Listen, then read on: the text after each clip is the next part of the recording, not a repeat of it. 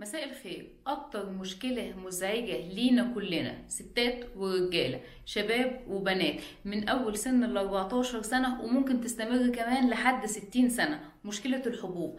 طب الحبوب دي سببها إيه؟ بتيجي إزاي؟ المفروض إن إحنا نتعامل معاها إزاي؟ كل حاجة حابين تعرفوها عن موضوع الحبوب هنتكلم عليه النهاردة بس مبدئيا اعملوا share للفيديو لو أنتوا بتشوفوني على الفيسبوك أو على الإنستجرام. طبعا تدوسوا like دي حاجة أساسية. لو أنتوا بتشوفوني على اليوتيوب فعلوا زر الجرس واشتركوا في القناة. طبعا برضو تعملوا لايك للفيديو. أول حاجة هنتكلم عليها الحبوب. هي إيه الحبوب وبتطلع ليه وإيه سببها؟ اولا الحبوب بتطلع لأن ليها دوره حياة طبيعية. الشعراية اللي بتبقى موجودة في الوش أو في الجسم أماكن ظهور الحبوب اللي هي الوش والصدر والظهر والكتفين. الأماكن ديت بيكون فيها شعراية. الشعراية ديت بتكون محاطة بغدد صغيرة اسمها الغدد الدهنية. الغدد الدهنية دي مسؤولة عن إفراز الدهون علشان ترطب الجلد وترطب الشعراية وتحميه عامل حماية يعني.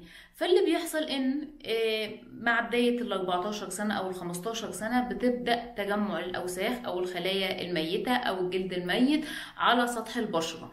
طبعا بيتم افراز الدهون بصفة مستمرة فلما بيبقى فيه تجمع المكان اللي بيتم منه افراز الدهون بينسد. الموضوع كده بكل بساطة. فلما بينسد إيه اللي بيحصل؟ هيحصل حاجة من اتنين يا إما المكان اللي بيخرج منه الحبوب بينسد على سطح الجلد والدهون بتتجمع تحت سطح الجلد وديت بيبقى اسمها الرؤوس البيضاء أو إن هي بتطلع وبتتاكسد مع الهواء الخارجي اللي موجود ودي بيبقى اسمها الرؤوس السوداء. وفي الحالتين الرؤوس البيضاء والرؤوس السوداء أمرهم سهل جدا.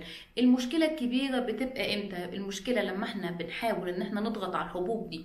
ونطلعها ونطلع المادة الدهنية اللي فيها. فاللي بيحصل إن المكان ده الافرازات الدهنية اللي طلعت بتختلط بالهواء وبتختلط بالبيئة اللي إحنا موجودين فيها وبتختلط بالبكتيريا وبتعمل أكتر حاجة شرسة وهي حب الشباب اللي هو بيبقى فيه سكار وبيبقى فيه بيبقى فيه حفر بيبقى فيه نتوءات في الوش.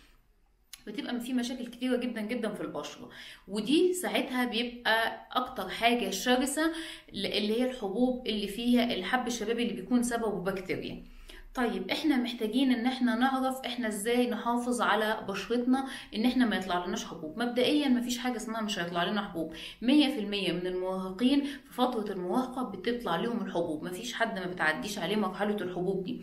ولحد دلوقتي العلماء صراحة طلعوا أسباب كتيرة جدا لسبب ظهور الحبوب منها العوامل الوراثية منها تكيسات المبايض عند الإناث منها التغذية منتجات الألبان المقليات الأغذية المليئة بالدهون. كل الحاجات دي في دراسات كتيرة جدا اتعملت علشان يشوفوا العلاقة بين ظهور الحبوب وبين الحاجات دي. لقوا إن في علاقات علاقة قوية جدا بينهم بس ما تعتبرش هي العامل الأساسي المسبب ليها. يعني كده كده ده التهاب في الغدد الدهنية أو تراكم الدهون.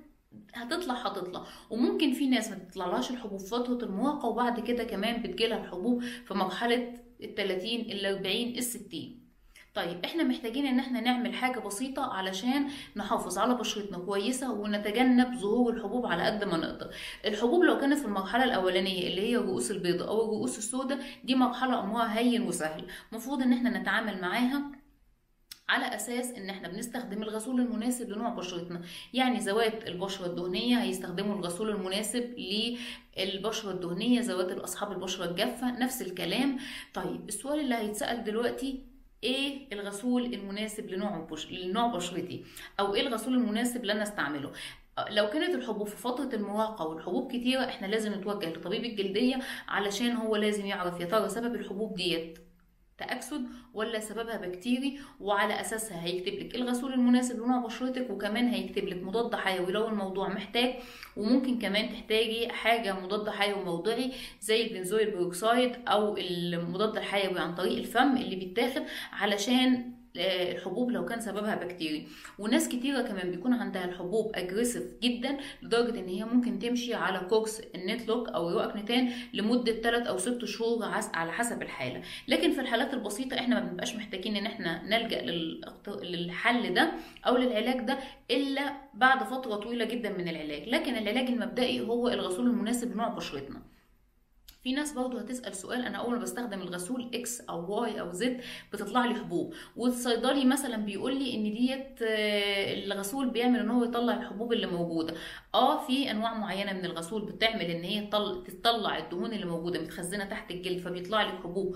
بمجرد ما بتستخدمي غسول معين وممكن إن الغسول مش مناسب مع نوع بشرتك فانت محتاجة تغيريه. فما تقدريش تحكمي على غسول معين غير بعد ما يعدي على الأقل شهرين لثلاثه مع الم- للمنتج علشان تقدري تحكمي عليه.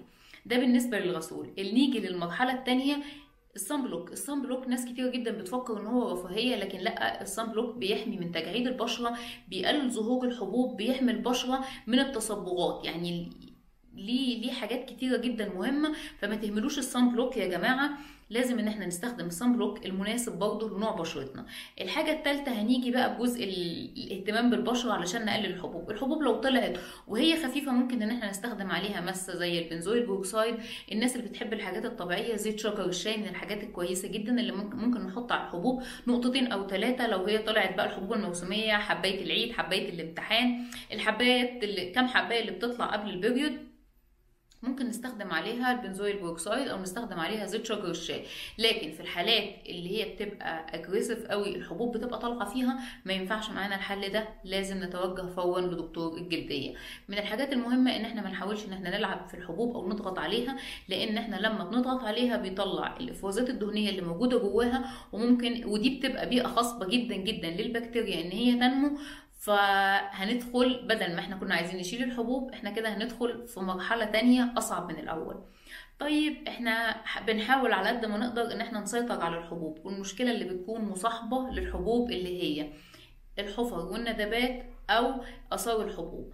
آثار الحبوب من الحاجات الكويسة جدا اللي إحنا ممكن نستخدمها لعلاج آثار الحبوب هو كريم الأكريتين أو أي مشتقات فيتامين اي ديت عبارة عن تقشير بسيط للبشرة بيشيل طبقة الجلد الخارجية بس طبعا لازم نستخدمه. بحذر جدا. وزي ما أنا كنت عاملة فيديو قبل كده إن هو بيستخدم يوم آه ويوم لأ. ولو هنستخدمه بالليل لازم طبعا ضروري جدا جدا جدا نستخدم واقي الشمس صباحي. دي حاجة مفروغ منها. طيب الحفر بقى والندبات اللي بتبقى موجودة في الوش آثار الحبوب.